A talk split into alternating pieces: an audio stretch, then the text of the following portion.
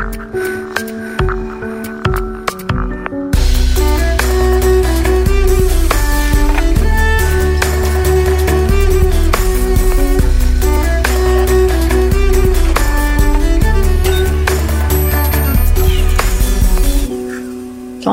Hallo?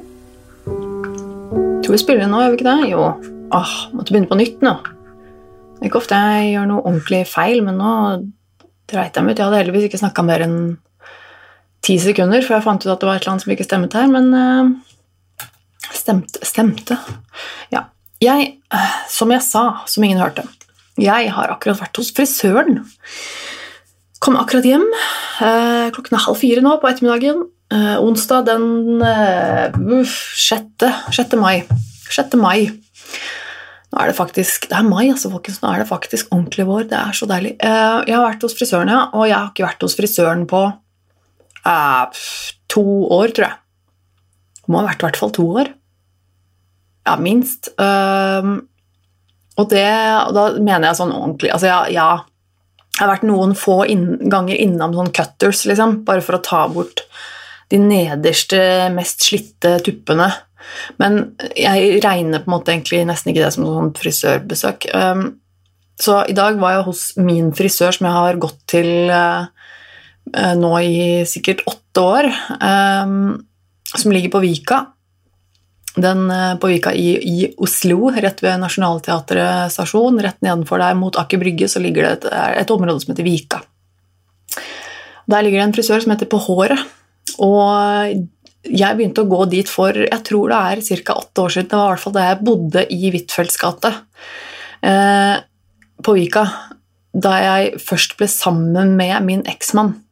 Det begynner å bli en god del år siden. Eh, for da, ja, som sagt, da bodde vi rett i nærheten, og da måtte jeg liksom finne en frisør. Og så bare Å ja, det er jo en frisør rett liksom, to gater oppi her. Da bare går vi dit. Og så har jeg liksom bare blitt der, for de er så koselige og flinke og Ja, hvorfor bytte når jeg er fornøyd? Um, men det er søren meg For der bodde jeg i 2011, flytta jeg ut på Vika. Ja. Det er, det er lenge Åh, satan. Ja, det er lenge siden. Det er lenge siden. Eh, som sagt så har jeg ikke vært der på to år, da. Eh, så det hender jo det går lang tid mellom hver gang, men eh, det er alltid like koselig å komme dit, for de husker meg jo like godt hver gang, og det, det er så koselig og hyggelig, og ja, ja. Uansett, jeg fikk da klippet meg litt i dag. Endret litt sveis, og det er rart hvor hvor mye en sånn liten ting har å si, liksom. En liten klipp og litt sånn ny frisyre, og så plutselig så føler du deg som en litt ny person og føler deg litt sånn fresh og litt sånn ny holdt jeg på å si ny hverdag. Det var skikkelig deilig. Så det, det letta litt. Og så er det jo det at det er fantastisk vær i dag. Det er virkelig, virkelig utrolig deilig og varmt og ordentlig vårstemning ute og inne, holdt jeg på å si, som også letter meg så utrolig mye. Og i går så tok jeg og samboeren min også et skikkelig grep. Vi fikk en eh, levering fra Ikea og fikk eh, Fikk eh, nettopp nylig levert en eh, sofa til å ha på balkongen. Så i går så la vi nytt gulv på balkongen, og vi fikk satt opp den sofaen og et par bord, og det ble bare det ble rett og slett ordentlig dritkoselig. og endelig har vi liksom fått en, en, balkong. Nå kan vi liksom bruke balkongen, for den har liksom bare vært raka helt til nå. Um, og det bare gjør en så enormt stor forskjell. Bare det å Det blir jo som et ekstra rom i huset omtrent. Og så det vi gjorde, rett og slett var at vi gjorde oss ferdig med det i går, og så tok vi og satt oss der ute i går kveld med et glass vin i solnedgangen og bare klappet oss selv litt på skulderen. Og um, ringet våren inn. Det var vel på en måte litt sånn det ble. Nå, nå, nå, er det vår på ordentlig, og sommeren kan komme. Og gleder oss til å ha besøk av venner og sånn, kan invitere folk og sitte på balkongen. og Sånne småting. Det, det hjelper meg veldig, kjenner jeg i hvert fall. Um, når man har det, har det litt sånn tungt i huet innimellom. Og så var vi på den der, Jeg fortalte jo at jeg skulle på den parmiddagen eh, på torsdag. Um, og jeg var jo der Jeg var jo litt eh, nervøs for det, men jeg gleda meg. Jo, og det hadde jeg all grunn til, for det gikk faktisk veldig bra. Det var utrolig koselig. Uh, og det var, ikke, det, var ikke, det var ikke kleint et øyeblikk, og var, praten stoppa ikke opp noen gang. Vi fikk nesten ikke pratet oss ferdig, noen av oss. Altså, det var en, sånn, en, sånn, type parmiddag du har lyst på. Og det Um, og det var veldig lettende, uh, siden dette her også er folk da jeg egentlig ikke har Altså hun uh, Av det paret så har jeg truffet henne før, uh, men bare én gang, tror jeg. Og han hadde jeg aldri truffet før. Um, så det var det, holdt opp det kunne jo gått i alle retninger. nå visste jeg jo litt om dem, da, så jeg visste at vi på en måte hadde i utgangspunktet noen grunnleggende verdier til felles. Så det helt galt hadde det ikke gått. Men altså, kjemi, man vet jo aldri. Men det gikk, eh, det gikk kjempefint. Eh, det var utrolig koselig, og det syns de også. Og vi er nå invitert eh, igjen på lørdag, nå på lørdag som kommer. Skal vi til dem på en sånn, ikke fest, men en slags samling med noen få mennesker som de kjenner. Og inviterte oss hjemme hos dem, da. Og det er også litt skummelt, men veldig hyggelig. Jeg tror det er koselig å bli invitert. Eh, vi sa ja, så vi skal dra, og det blir spennende. Og alltid litt sånn når det er folk og sånn Jeg og samboeren min også for så vidt er jo ikke så kjempeglad i sånn folk og samlinger og den der sosiale greiene er litt sånn eh, Ja, men eh, og som jeg sa til samboeren min òg, at uh, drar vi dit og finner ut at vi ikke liker folka eller blir slitne eller ikke orker, så er det bare å dra hjem igjen. Um, det er noe med det. Uh, og begge de to vi skal på besøk til, de vet jo liksom det, at At jeg har litt sosial angst og er ikke den mest sosiale personen, og det er ikke min samboer heller, så det er på en måte helt innforstått med at eh, hvis vi plutselig finner ut at nei, nå er det nok sosial omgang for i dag, så kan vi bare dra, og så er det ingen som ser stygt på oss for det. Bare det å vite det er litt deilig. Jeg tenker at det tar litt av presset vekk, på en måte. Um, eller så er jeg litt frustrert over um, Jeg er litt frustrert over jobben. Um, når jeg sier jobben, så mener jeg jo da tatoveringsstudioet som jeg er lærling på. Um, det som er litt frustrerende for meg nå, er at jeg jeg har ingen garantier der. Det er liksom litt sånn at um, vi, som jeg nevnte litt tidligere da jeg fikk denne stillingen her, er at det er jo uh, Det er jo litt sånn at vi tar det som det kommer. Uh, jeg jobber jo der gratis, det gjør man ofte når man er liksom lærling. Man jobber gratis, og så får man kunnskap tilbake, på en måte, og så kan man etter hvert få mulighet til å ta kunder og tjene penger. Og det er jo på en måte det som er eh, min plan, eh, men de har jo heller ikke sagt noe konkret sånn i form av at eh, Og så videre, sånn om de faktisk kommer til å lære meg å tatovere eh, eller ikke. Det er på en måte ingenting som er lovt. Det er ikke noe avtalt veldig konkret. Det er en sånn ja, mest sannsynlig, og vi må se det an litt og ditt og datt. Og det er liksom en plan, men eh, jeg merker nå at det holder egentlig ikke for meg. Um, og jeg vet, Det har ikke gått så lang tid. Jeg starta der i januar, og så har det vært stengt en måned nå, og så liksom akkurat starta igjen. og sånn, men, men, men, jeg kjenner at det jeg, jeg, trenger faktisk å ha en, eh, en slags garanti på hva som skjer. Um, om ikke de føler at jeg er klar for å lære å tatovere akkurat nå, men så i hvert fall at de sier at jo, men det skal skje, og det er ca. om ja, skal vi si, ca. to måneder. Altså, et eller annet sånt, da. Bare så jeg har noe litt mer håndfast. Jeg vet at liksom, vi har en avtale om at jeg skal lære det, og det er noe med at jeg trenger den litt den fremtids... Uh, den tryggheten i at jeg har noe å bygge på, um, både i form av inntekt, fordi at nå har jeg jo ingen inntekt annet enn de, den støtten jeg får fra Nav. Det er ikke akkurat veldig mye å skryte av. Um, og så kan jeg jo ikke gjøre det i all evighet, det har jeg ikke lyst til heller. for så vidt. Jeg har jo lyst til å kunne fungere i en jobb og kunne begynne å tjene penger igjen. Og det er jo noe med det at eh, jeg, jeg må liksom jeg må ha det etter hvert. Og så er jeg faktisk eh, over 30 år. Jeg kan ikke gå og bare jobbe gratis og liksom ikke ha noe forpliktelse fra ende til annen. Altså det, det funker ikke for meg nå. Så har jeg liksom typ 13 år med arbeidserfaring. Eh, jeg er over 30 år, jeg har eh, forpliktelser i livet mitt. Jeg har eh, samboer, jeg har hus og lån. Det er liksom noe med det at en liten periode så kan jeg klare meg nå liksom, å være lærling og, og gjøre det, men jeg, da må jeg i det minste vite at det går en vei. At, de, at, at jeg har noe å se fram til. Ja, så det er litt sånn det holder ikke for meg det nå lenger, merker jeg at det er litt sånn vi, vi får se. Um, jeg må ha noe mer konkret. Så jeg ba um, om å få et møte uh, på jobben. Uh, forhåpentligvis ser det ut som vi skal klare å få til det på neste mandag.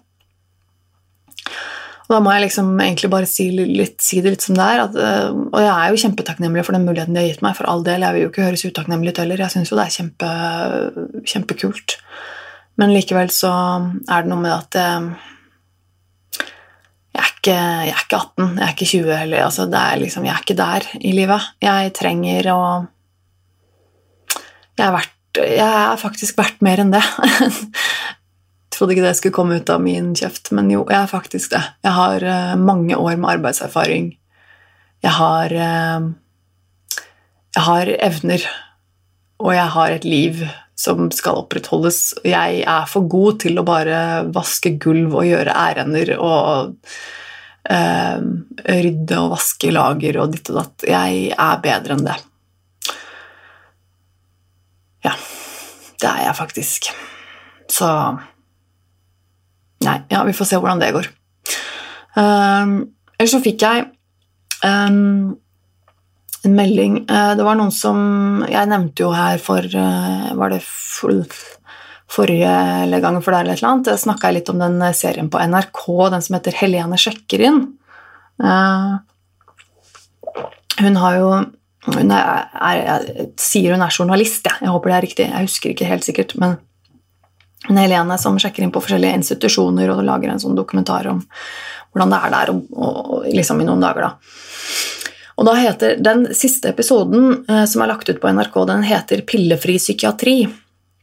Så var det en av dere lytterne mine der ute som lurte på hva jeg syns om den.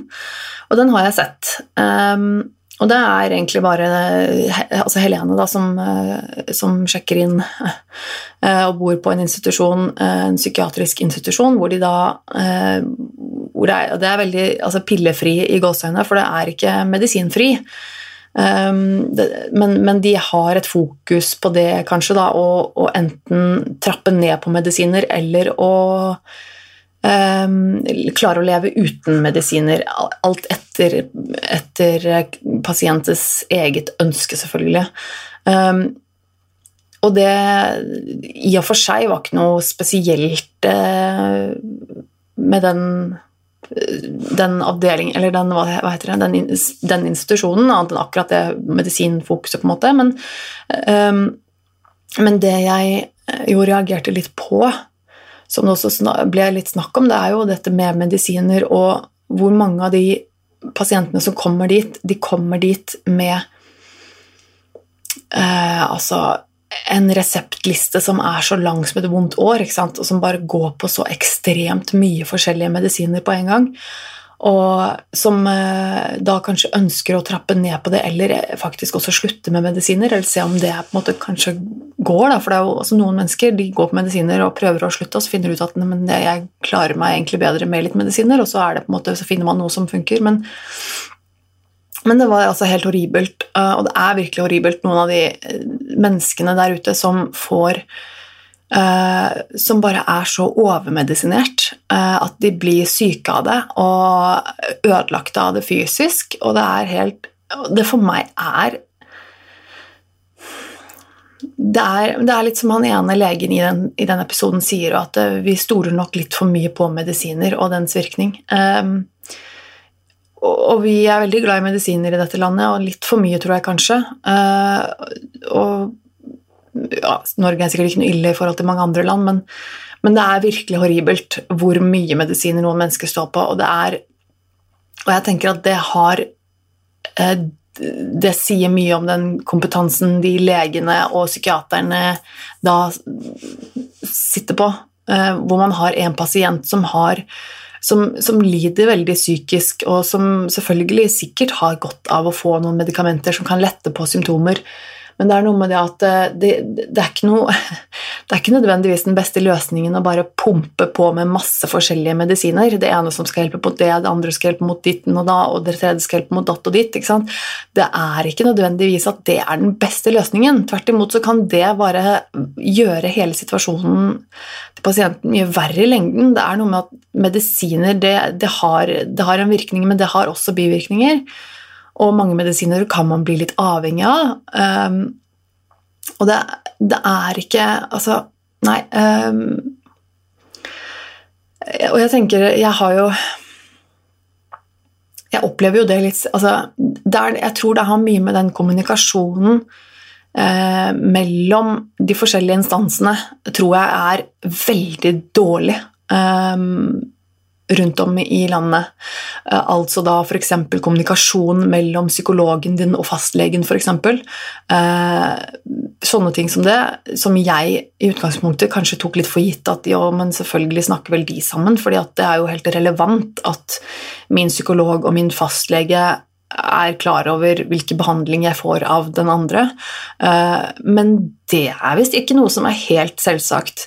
Og, og eller liksom bare det Og flere instanser. Det er jo bare noen av altså Fastlegen Man har kanskje en annen type lege man går til i tillegg til det. Man har kanskje en psykiater, man har en psykolog, man har en, en behandler som behandler det eller det. Altså Det er mange mennesker der ute som sliter med forskjellige ting, som trenger forskjellig type behandling, og som da går til forskjellige typer behandlere. Og hvis de ikke snakker sammen, så er det eh, potensielt eh, helt sykt farlig.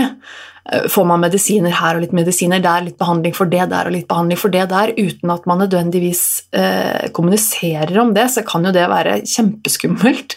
Og jeg mener, og det er jo ikke sånn gitt at pasienten vet det helt sånn uten videre. Altså, som en person som ikke har noen som helst form for helsefaglig utdanning, som ikke vet noe om, uh, generelt om medisiner eller behandling, og du, du, er syk selv, og du vet bare at ok, jeg trenger hjelp, og jeg er avhengig av disse faglærte menneskene til å hjelpe meg og vite litt hva som er det beste for meg, så er det mange tilfeller, i mange tilfeller så er det veldig mye å kreve av en pasient.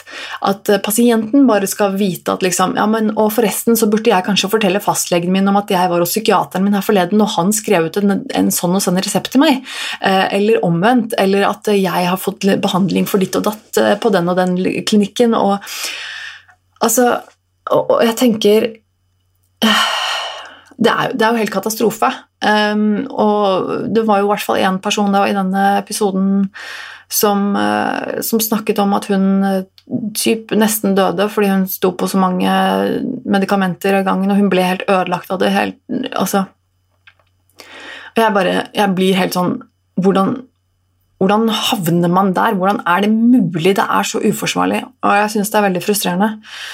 Eh, og jeg i utgangspunktet har jo litt sånn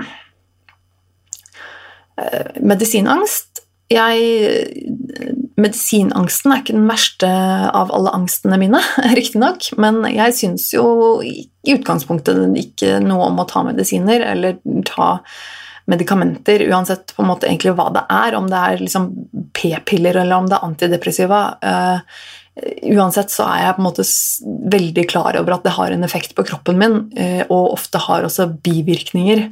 Um, og alt sånne ting gjør meg litt skeptisk. Um, ikke at jeg er imot å ta medisiner, det er jeg overhodet ikke, og jeg er fullt klar over at det er mange som, som har veldig, veldig godt av å ta medisiner.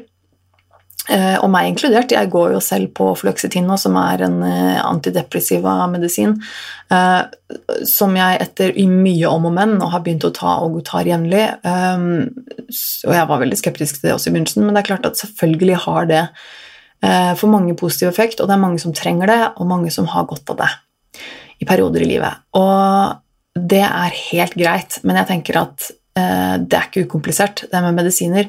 Og medisiner har innvirkning på hverandre. Altså, det er også viktig å, eh, å, å tenke på at tar du én medisin og får en annen medisin, så kan det hende at det, har en lei virkning eh, i kroppen din. Eh, det har noen sånne effekter også som, eh, som, leger og fagpersonell skal vite om. Det er jo en grunn til at liksom, man må kommunisere om dette. Um, ja, nei, det gjorde meg ganske frustrert. Um, men uh, han spurte jo litt om hva jeg syns om den episoden. Um, uh, det står Han skrev liksom uh, mine synspunkter på en slik behandling kontra vanlige tradisjonelle metoder. eller om det er noen fasit på hva som hjelper. Kanskje det er bra at tilbudene er så varierte, slik at man lettere kan finne den hjelpen man trenger. Men syns også dette med feilmedisinering er interessant, og hvorfor dette skjer så ofte, dessverre. Ja, Det har jeg vært litt inn på nå, det med feilmedisinering eller overmedisinering. Jeg, jeg, har jo ikke noen løsning eller svar på det. På hvorfor. Altså, jeg, jeg, ikke, jeg er ikke noen fagperson, og sånn, men jeg, har jo, jeg, har jo, på en måte, jeg kjenner en del fagpersoner, og jeg har den erfaringen jeg har med Helse, helse. Men, eh, men ja, så det er på en måte det jeg har tenker rundt det. Um, men selvfølgelig, jeg tenker jo altså, synspunkter på en slik behandling kontra vanlige tradisjonelle metoder. Det kommer litt an på hva du tenker på er tradisjonelle metoder, men da, jeg, da tenker jeg kanskje du mener medika medikamenter som tradisjonelle metoder. Men um, det finnes jo så mange forskjellige typer behandlinger. og Spesielt når det gjelder psykiske lidelser, så er det veldig vanskelig, det er veldig komplekst, fordi at det som hjelper den ene, er ikke nødvendigvis det som hjelper for den andre, til tross for at de kanskje har samme diagnose i bunn. Og det er jo også et, et, Det er på en måte et problem, det kommer man aldri over, og det er også en grunn til at det er viktig å uh, ha litt forskjellige typer um, behandlinger der ute som er tilgjengelige, at man blir opplyst om de forskjellige typer behandlingene, og at disse også har forskjellig effekt og forskjellig virkning. Uh, det gjelder jo bare altså, innenfor psykiatrien og forskjellige psykologer som arbeider med forskjellige metoder. og Uh, og med forskjellige medisiner som finnes til forskjellige lidelser, og det er, um, det er liksom det er jo det som er komplisert og vanskelig ofte da, når det kommer til det med psykiske lidelser i forhold til f.eks. For det å brekke et bein. Um, veldig ofte så har man en, en, oppskrift på hva som skal til for å fikse det beinet som er brukket. Um, men det, hjelper, det, er på en måte ikke like enkelt som regel med psykiske sykdommer. Selv om eh, to pasienter har eh, den samme grunnleggende diagnosen, så kan det utarte seg på veldig forskjellige måter. Og selv om, eh, selv om jeg har depresjon og en annen person har depresjon, så ja, så kan man si at det har en del fellesbetegnelser. Det er noe som eh, man har felles, som gjør at man kan stille den diagnosen og si at jo, ok, det er noe som passer inn i denne boksen. Men annet enn det så er vi jo, vi er jo alle forskjellige. Vi har alle vår personlighet. Vi har alle eh, store forskjeller i oss, så min depresjon kan likevel se helt annerledes ut enn det naboen min sin depresjon ser ut. Så, og det er veldig viktig å huske på, og det vil jo også si det at behandlingen for min depresjon kanskje også er eh, annerledes enn en noen andres behandling. Og så er det Det fins på en måte ikke noe fasit. Um, det er jo dessverre sånn det er. Da, at det er på en måte ikke nødvendigvis sånn at man kan si at hvis du har den diagnosen, så er det dette som er din behandling.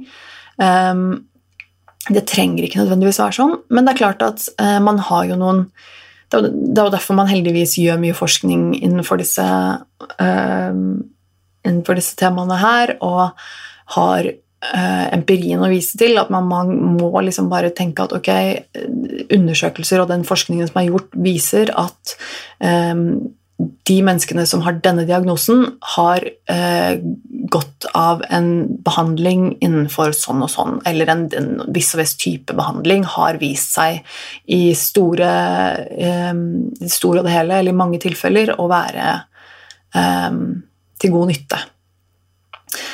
Og så må man jo bare gå ut fra det, men det, og så må man jo Men det er jo det som er vanskelig. Man må jo på en måte vite det litt som pasient også. og og det er ekstremt vanskelig å vite noen ganger om denne behandlingen er riktig for meg. Er denne behandlingen Hjelper den?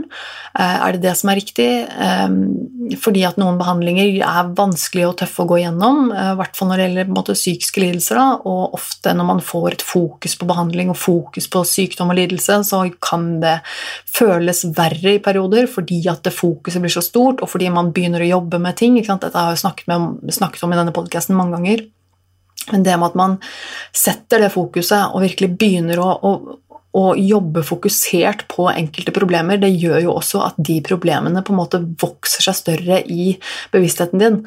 Og du blir mer bevisst på det, og da tar det mer plass i hverdagen. Og det gjør at du nok også kanskje føler deg mer plaget av det i perioder, før det kanskje blir bedre fordi du lærer deg å, å takle det annerledes. Eller det er en det er, en, det er vanskelig. Og det er også noe med det at det er vanskelig å vite hvilken behandling som er best. Det kan man ikke alltid vite, og da må man bare prøve seg litt fram. Og da tilbake til dette her med at jeg tror det er veldig fint at det fins forskjellige typer behandlinger man kan få. Er, nå skal jeg bare si det også, at jeg er overhodet ikke noe for eh, alternative behandlinger. Eh, jeg er generelt veldig skeptisk til alternativ medisin.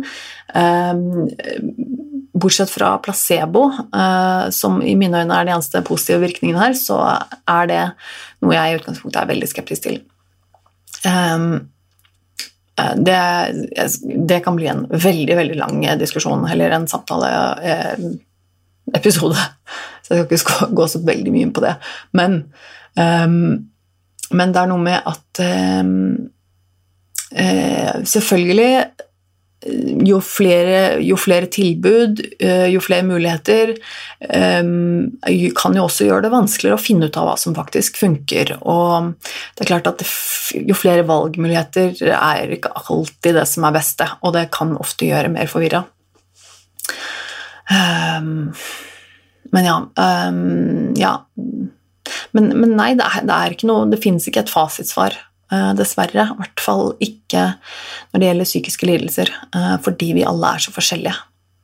Um, men um, selvfølgelig, dette tilbudet det var snakk om her, med denne klinikken som, uh, som, ønsker å hjelpe folk som ønsker å trappe ned eller slutte med medisiner, så er jo det veldig fint at det finnes et sånn type tilbud.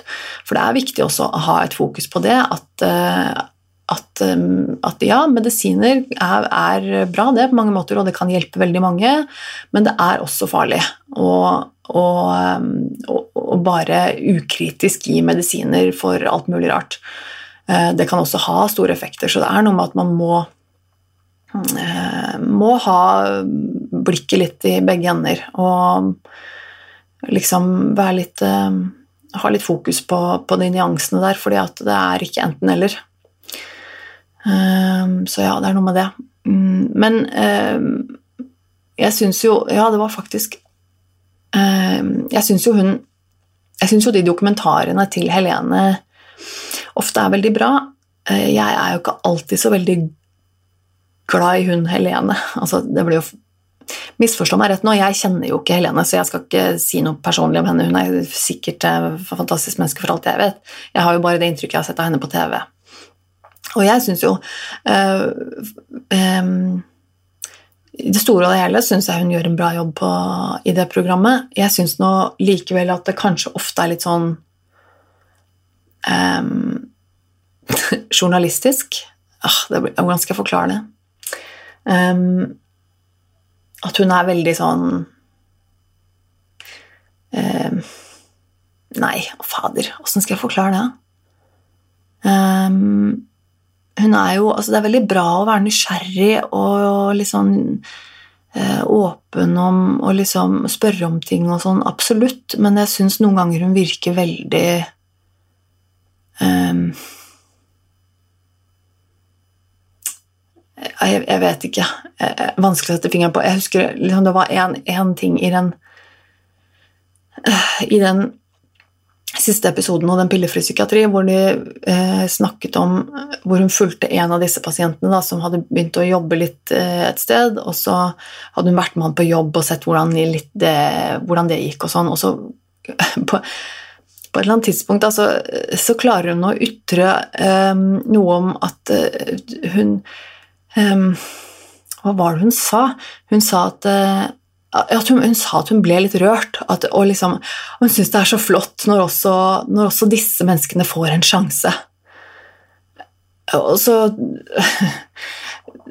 så, så ble jeg litt sånn Ja um, altså jeg, jeg, skjønner på en måte at hun, at hun, mente det jo godt, at hun syntes at det var veldig bra, og at de var flinke. Altså, men jeg fikk litt sånn Det ga meg likevel en sånn vond smak i munnen, for jeg ble litt sånn Ja, men han er jo Han er jo et fullverdig menneske, han der, som alle andre. Han har slitt med psykiske lidelser og, har, og, får behandling for det, men han er jo ikke verdt noe mindre for det. Han er jo ikke noe mindre flink nødvendigvis han i jobben sin enn det andre mennesker er. Han er jo ikke noe dummere, han er jo ikke multihandikappa. Han er jo ikke han treng, altså, Og jeg ble litt sånn Men selvfølgelig skal han få den sjansen. Jeg kjente at det bare vekket en litt sånn irritasjon i meg, for det, det, var noe med den der grunnleggende holdningen eller, å, jeg ikke likte, som var liksom noe med det Eh, ja, selvfølgelig skal han få den sjansen. Hvorfor i all verden skulle han ikke få den sjansen? Altså ja, eh, nei, det var bare noe med det som bare gjorde at jeg ble litt sånn uh, Kjente at jeg ble litt uh, irritert. For det, det syns jeg var en litt sånn ovenfra ned-holdning. Uh, på et vis som jeg ikke satte så veldig pris på. Um, og jeg oppfattet jo denne personen her som på en måte Ja vel, altså Eh, ok, så har han vært syk, eller er syk med psykiske lidelser og har behandling og sånn, og så må man finne ut hva som funker for deg, og hvilken jobb du liker, og, og de tinga der. Eh, selvfølgelig eh, skal vedkommende få en sjanse i samfunnet. Altså, hæ? Ja, nei, jeg, jeg, vet ikke. Jeg syns bare det ble, det, ble, det, det ble, litt feil, på en måte. Og jeg skjønner jo altså, Ja, det er komplekst, og ja, man skal ha man skal ha respekt for at uh, noen psykiske lidelser er veldig tunge, og selv vet jeg jo det at det har gjort at jeg har havnet utenfor arbeidslivet lenge, og det er ikke fordi at jeg er lat, det er ikke fordi at jeg ikke vil, det er fordi at jeg er og har vært syk, og det må på en måte, Sånn er det bare. Det suger, men sånn er det bare. Og selvfølgelig skal det respekteres at det er et reelt problem at hvis man blir syk, så havner man utenfor, men at man da på en måte ikke at, at, det på en måte Og det er så fint at han også får en sjanse. Eh, men ja, altså hæ? Er ikke det en selvfølge? Altså, han er jo ikke verdt noe Han er jo ikke Nei, ja, du skjønner hva jeg mener. Jeg, ble, jeg kjente jeg bare ble veldig sånn eh, det, det, det, ble litt for ignorant for meg på et vis. Jeg kjente at den mm, Ja så er det jo ofte det med, Når man er journalist, så stiller man jo litt sånn dumme spørsmål. Man gjør seg selv litt for dummere for å liksom få ut forklaringer og svar på ting. Det er helt greit. Men det er noe med en um, bare For meg så Hun Helene hun virker nysgjerrig på ting, og hun virker veldig sympatisk, og sånn, um, men jeg bare syns hun, hun virker nysgjerrig på en litt sånn uvitende måte. Er det lov å si? Det høres så teit ut.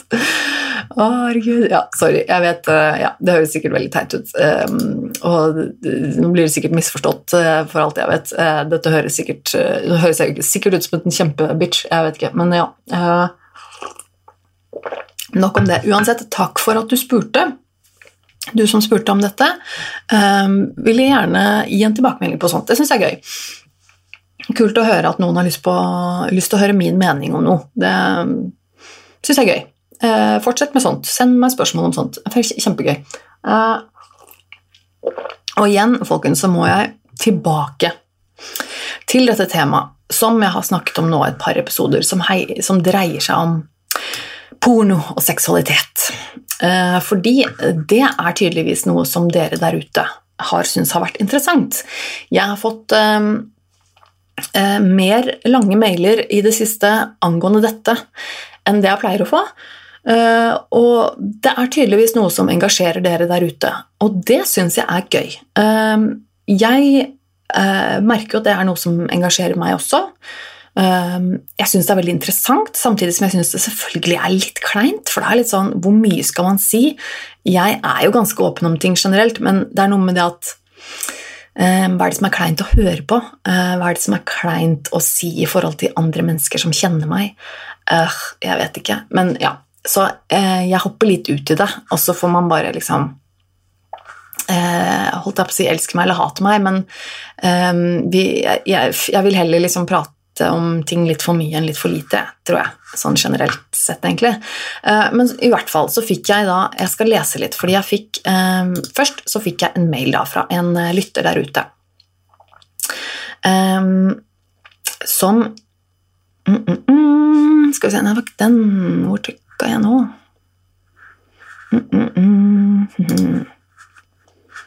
Der var den. Jo, den der. Og som alltid så holder jeg dette her anonymt eh, i så stor grad som overhodet mulig. Eh, hender jeg liksom nevner kjønn, men jeg tenker at det kan vi leve med. Men jeg prøver liksom å, eh, å holde dette litt sånn anonymt. Jeg sier aldri navn og sånn, med mindre dere veldig spesifikt sier at dere vil det. så holder jeg dette her anonymt. Jeg har ikke noe behov for å ytre navnet på noen, og jeg skjønner veldig godt at at når det gjelder liksom, jeg vet ikke, yrker eller livssituasjon eller ting man Ja, så kan det liksom Ja, jeg, jeg forstår. Jeg forstår det. Uh, men uansett. Jeg fikk en mail, og der står Hei, Tone.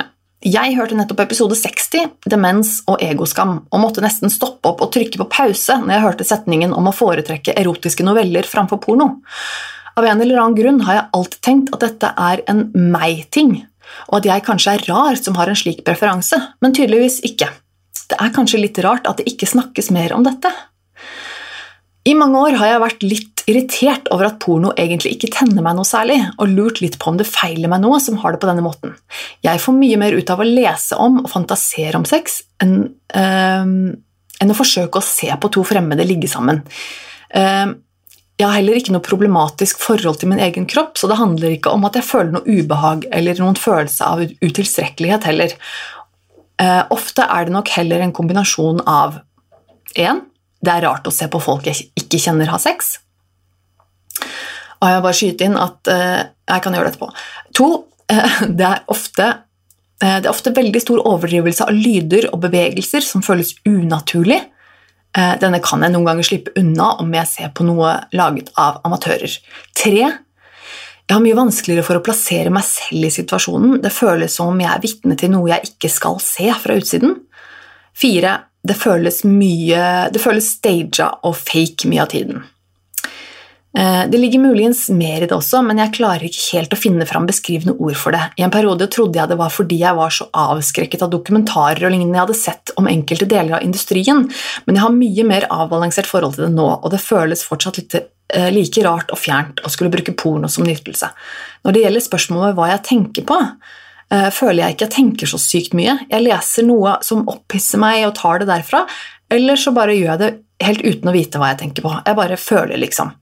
Syns det er kult at du tar opp dette temaet. Fortsett den gode jobben med podkasten. Og tusen takk for denne mailen. Jeg synes det var kjempegøy å lese. Og det som også blir nå, liksom nå, litt gøy, er jo at denne mailen på en måte blir et svar til den mailen jeg leste opp forrige gang. Og det er litt sånn uh, Vi er litt som et community, dere nå. Dere og jeg. Og jeg syns det er så gøy. Uansett. Det første, for dette her var jo noe av det jeg også tok opp i den uh, første jeg begynte å snakke om det i, uh, i den episoden jeg lagde her som het eh, som het, som het, som het, som het sabotasje og porno. Det var vel da jeg først tok opp dette med porno, og det at jeg har litt problemer med porno i, i, i mitt liv. Gå tilbake og hør på det. Hvis du, altså Sabotasje og porno, demens og egoskam 58 og 60 er vel de to episodene jeg har snakket om det nå det litt det siste, tror jeg. Um, Snakka jeg om det nå i den 59, da? Pelshjerne?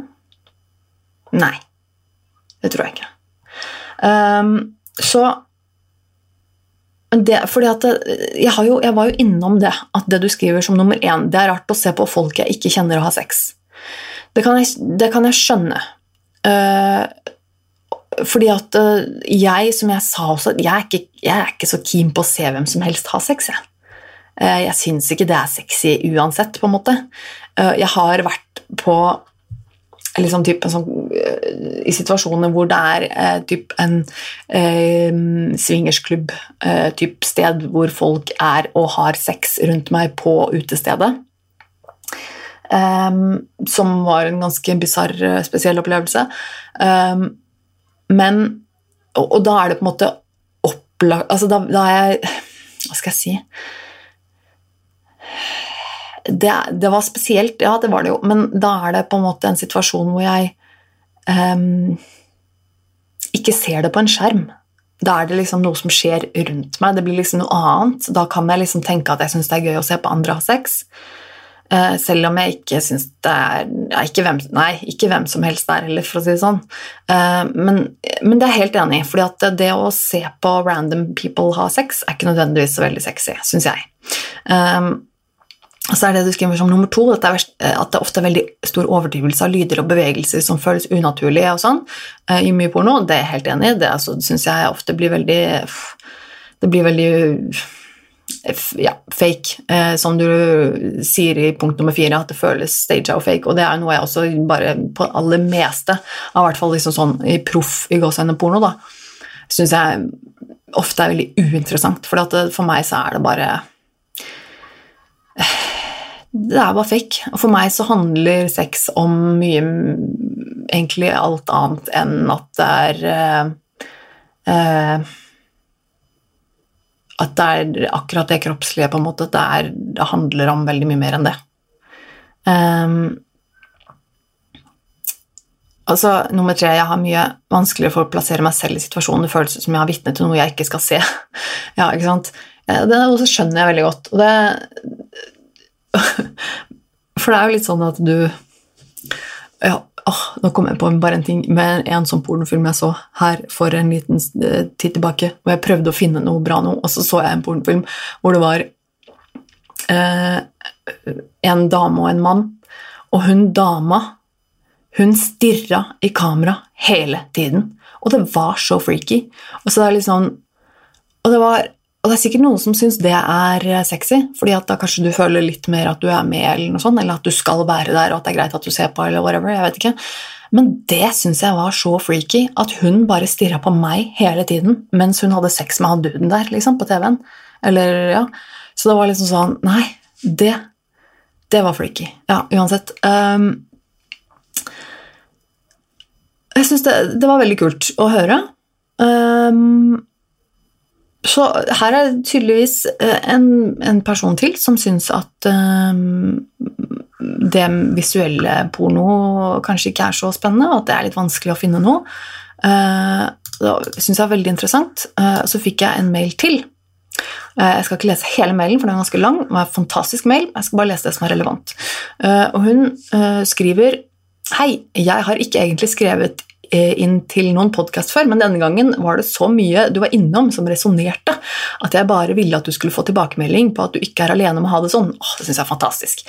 Så skriver hun jeg kaster meg rett ut i det Eh, det du sier om hvorvidt du er rar som ikke tenker på noe når du tar på deg selv. I så fall er vi nok flere som er det. For meg hjelper det faktisk å tømme hodet helt, nesten som en form for meditasjon. For meg handler det om følelsen mer enn noe annet, og alle former for tanker, lyder eller bilder er mer distraksjon enn noe annet. Det hjelper merkelig nok også å holde pusten innimellom. Det var egentlig veldig interessant det en lytter forrige uke hadde skrevet om å bruke noveller, for jeg husker eh, nå at da jeg var ung og nysgjerrig, mye heller ramlet innom nettsider med hjemmelagde erotiske noveller enn porno. Så det kan jo være et tegn på at ikke jeg heller tenner visuelt. Jeg er forresten litt nysgjerrig på det der med medisiner, for jeg har generelt lav sexlyst og har gått på minipillen siden ungdommen, nå er jeg 30. I en periode hvor jeg forsøkte medisin mot angst, forsvant følelsen i underlivet helt. Så jeg lurer på din erfaring med dette nå som du har forsøkt medisiner. Og det, eh, Tusen takk for den mailen eh, til deg som sendte den, eh, og resten av mailen som jeg ikke leser også, som jeg ikke er relevant akkurat nå. Eh, men tusen takk.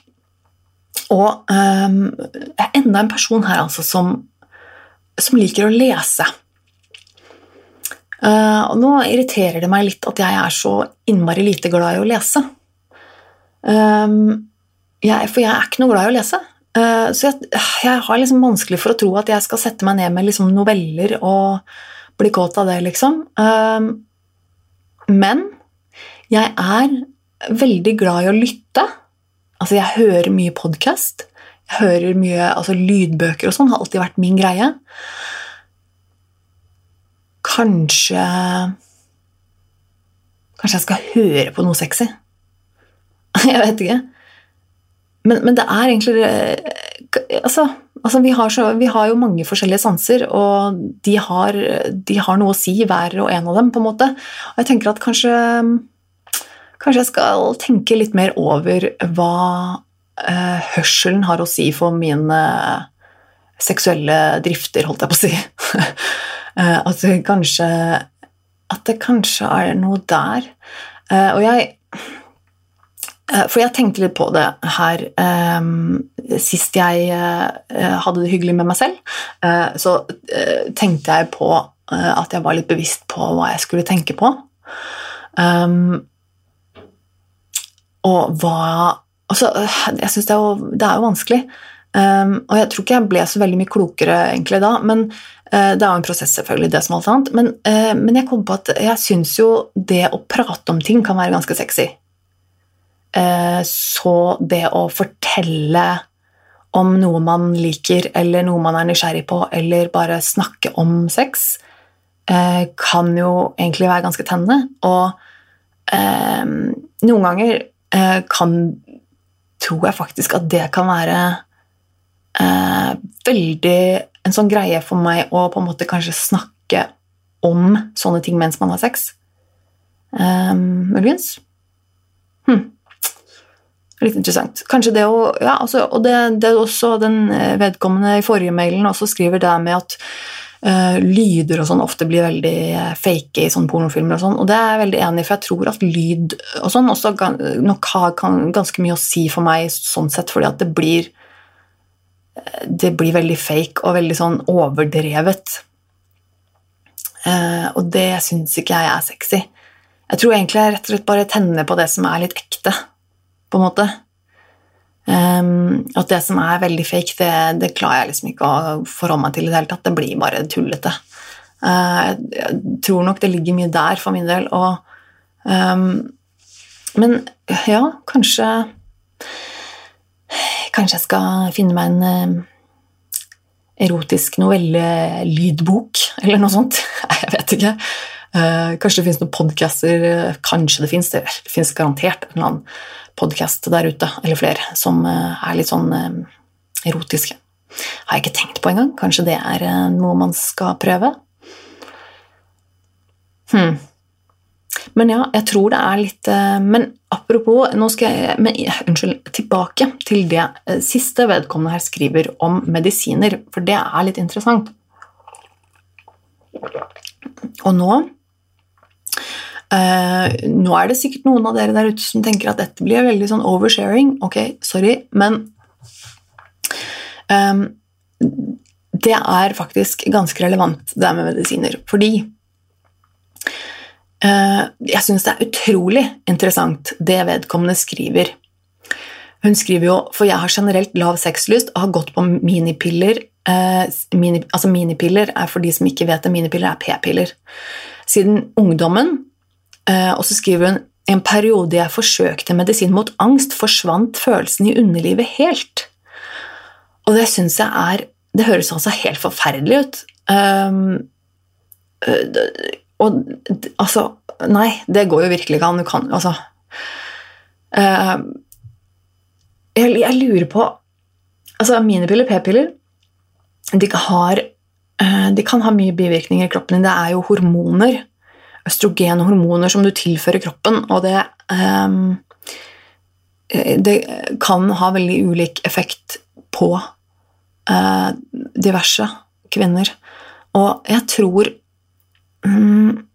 jeg har opp gjennom min, uh, opp gjennom min tid har jeg prøvd uh, veldig mye forskjellige typer p-piller, uh, som jeg har vært litt inne på tidligere. Så jeg snakket om en episode som heter nummer 56. Vi må snakke om PCOS. Da fortalte jeg om min PCOS-sykdom. Sjekk ut den episoden hvis du lurer på hva det er for noe, og hvordan jeg har hatt det med det. Men i den forbindelse så har jeg også prøvd en del forskjellige p-piller og litt sånne ting. Og um, jeg tror ikke det har hatt noen effekt på min sexlyst.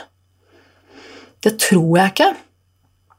jeg har um, Jeg personlig er um, veldig opptatt av sex. Altså, jeg har um, Helt naturlig, jeg som person er opptatt av sex og har hva skal jeg si, my mye sexlyst, hvis det er det det heter. Og det er jo alltid individuelt fra person til person. Noen eh, er eh, fornøyd med mindre sex, noen er fornøyd med å ha veldig mye sex, noen trenger, noen trenger det. Sånn er det bare. Vi er jo forskjellige på det der, både kvinner og menn. Jeg er en person som alltid har hatt mye sexlyst og mener på en måte at, at i mitt liv så har det med sex vært viktig. Da. Det er for meg i et forhold og i mitt liv så er det et aspekt som som er viktig. Og det, sånn, sånn, er det bare for meg. Uh, det vil ikke si at det er problemfritt eller eh, ukomplisert, for det er det overhodet ikke. Eh, jeg har hatt mye, mye komplikasjoner og rare ting og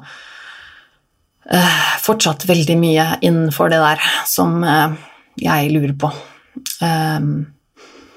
om meg selv. Og rett og slett bare hvordan, hvordan jeg funker. Jeg vet ikke det 100 så det er jo en, også en periode, og jeg prøver å finne ut av det. Men, men, det med medisiner er litt interessant, og det er sånn med veldig mange Åh, jeg har lyst til å finne ut litt ny Om det finnes noen ny uh, informasjon det, um, Men det der med å komme, f.eks., det med å få orgasme, da. Uh, veldig mange kvinner Det er jo veldig vanlig at kvinner ikke bare får orgasme av å ha vanlig liksom, vaginal sex, liksom inn og ut, inn og ut. Det er liksom Som regel, for de fleste, så syns de at det er deilig, men ikke nødvendigvis at man får orgasme av det. Det er veldig vanlig å ikke få orgasme av det. Um, og jeg er en av de. Jeg får ikke, jeg får ikke orgasme bare sånn uten videre. Eh, det hadde vært eh, sykt digg. Jeg er veldig misunnelig på de damene som bare eh, kan ha vanlig sex uten å ta på seg selv, og så bare kommer mann. Det hørtes, høres veldig fint ut, men sånn er det ikke for meg. Men det jeg har merket at etter jeg tok de medisinene For jeg går jo nå på antidepressiva. Og jeg leste pakningsvedlegget ganske nøye. Eh, og det står jo noe i den også om at man kan få redusert sexlyst eller problemer med å oppnå orgasme. Eh, det sto et eller annet sted om det inni der, og det bet jeg meg merke i, for det var jeg litt sånn Oi, eh, det, det syns jeg ikke så mye om. Jeg tror ikke jeg Jeg tror ikke jeg har noe lavere sexlyst sånn generelt, men jeg har faktisk vanskeligere med å komme. Og det syns jeg er eh, selvfølgelig jævlig dritt. Det er kjipt, men også på en måte ganske fascinerende. Um, men det er, merke, det er, en sånn ting som jeg virkelig har merket meg, at det er, et, det er markant forskjell. Uh, at altså, før, jeg, altså, før jeg, Selv om jeg ikke får uh, orgasme og liksom har vanlig vaginalsex, så, så uh, har jeg på en måte klart å få og klart å komme for det ved eh, andre metoder. Eh, så heldigvis. Eh, men etter at jeg begynte på de medisinene, de antidepressiva medisinene som jeg går på nå, så er det blitt mye vanskeligere. Og det er skikkelig dritt, altså. Det er, det er, sånn at jeg merker markant forskjell på akkurat det. Så hos meg så har det hatt en effekt. En bivirkning som er litt uønskelig. Og det syns jeg er ganske dritt, for det er jo en grunn til at jeg valgte akkurat de, de antidepressive medisinene. Det er jo en grunn til det. Det er fordi at det, både pga. min spiseforstyrrelse og litt av sånne ting, at det skal på en måte uh, Ja, det, det, det, har jeg også snakket om tidligere. Men denne, den bieffekten der med at jeg plutselig skulle ha Syns det er skikkelig vanskelig å klare å komme, det syns jeg er uh, Det syns jeg er dritt. Så det er faktisk litt interessant at du skriver om det.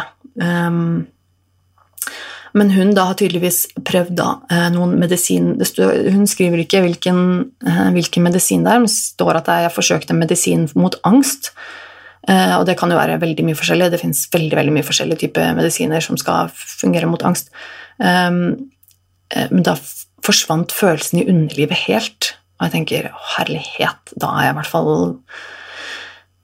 Jeg er glad for at medisinen jeg tar, ikke er så ille, i hvert fall, fordi det kunne jeg faktisk ikke levd med. Um, det, det, det, kunne ikke jeg levd med i det hele tatt. Um, jeg har jo Jeg går ikke på p-piller nå, jeg har p-stav.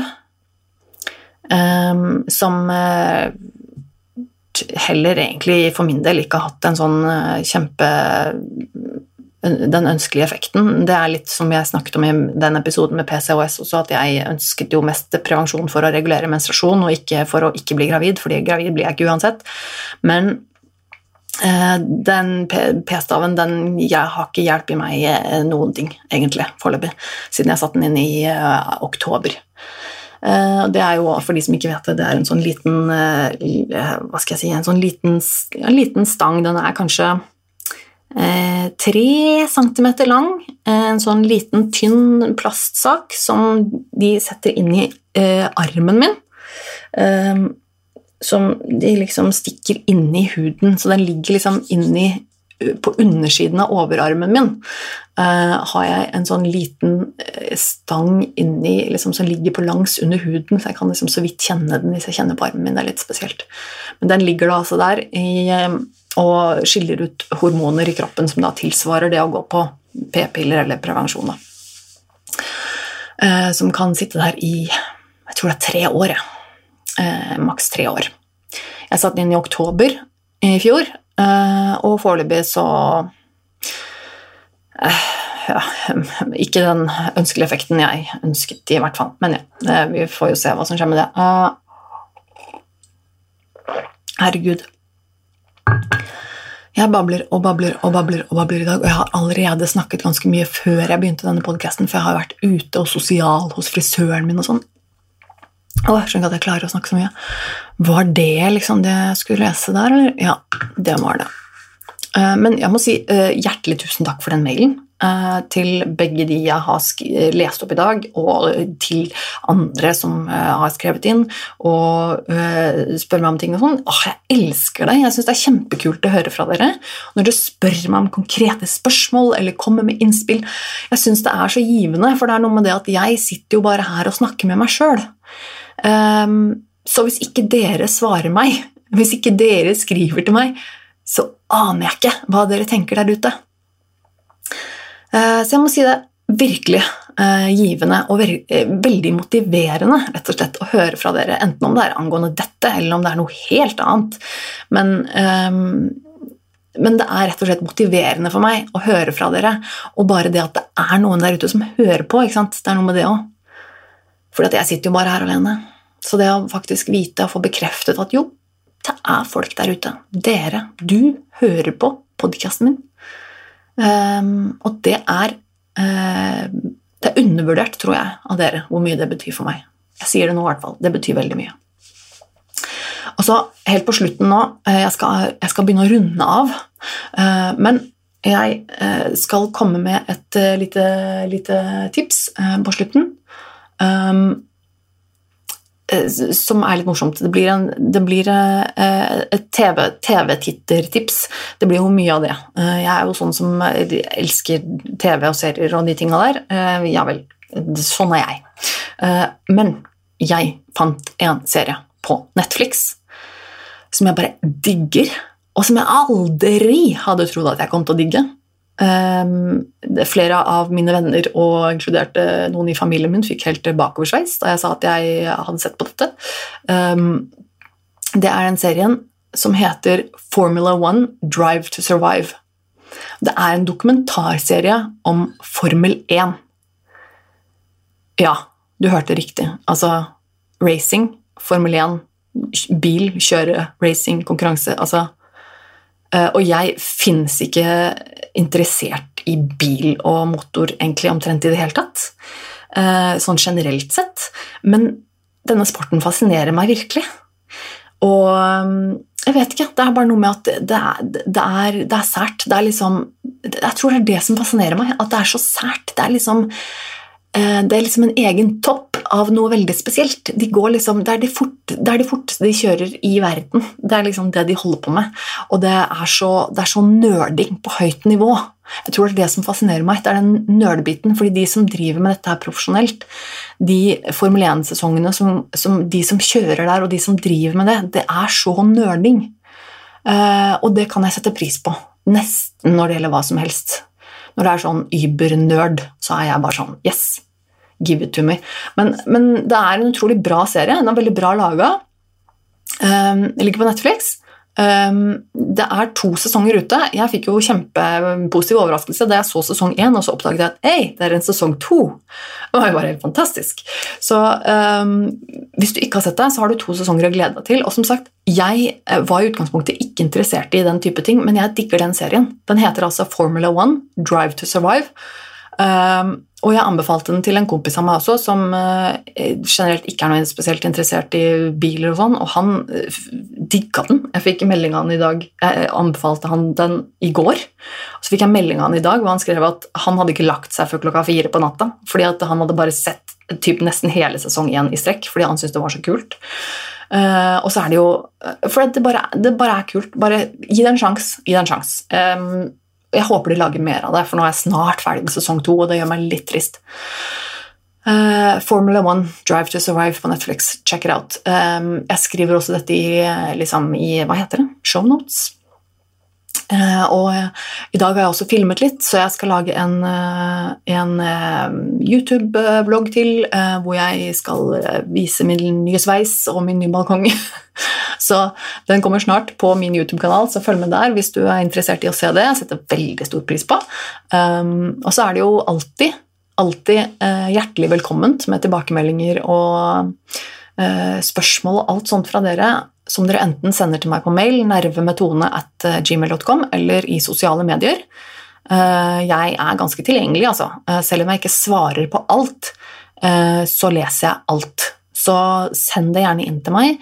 Eh, nerve med Tone på sosiale medier eller Tone Sabro eh, på sosiale medier. Eh, setter jeg stor, stor pris på. Um, og så um, Herregud, jeg har snakka lenge. Jeg vet ikke hvor lenge jeg har snakka noen gang. Jeg håper dere likte episoden. Det ble i hvert fall en engasjert episode.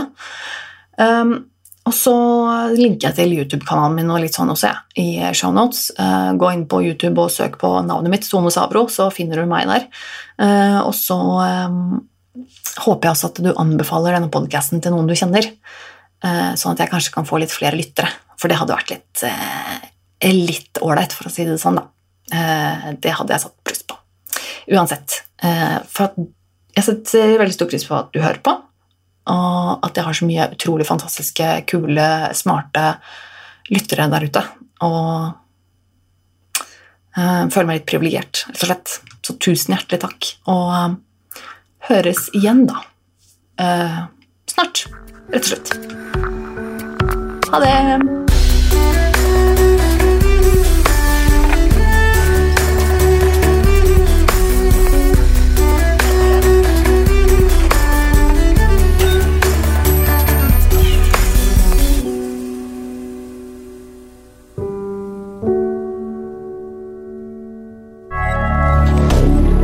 Media.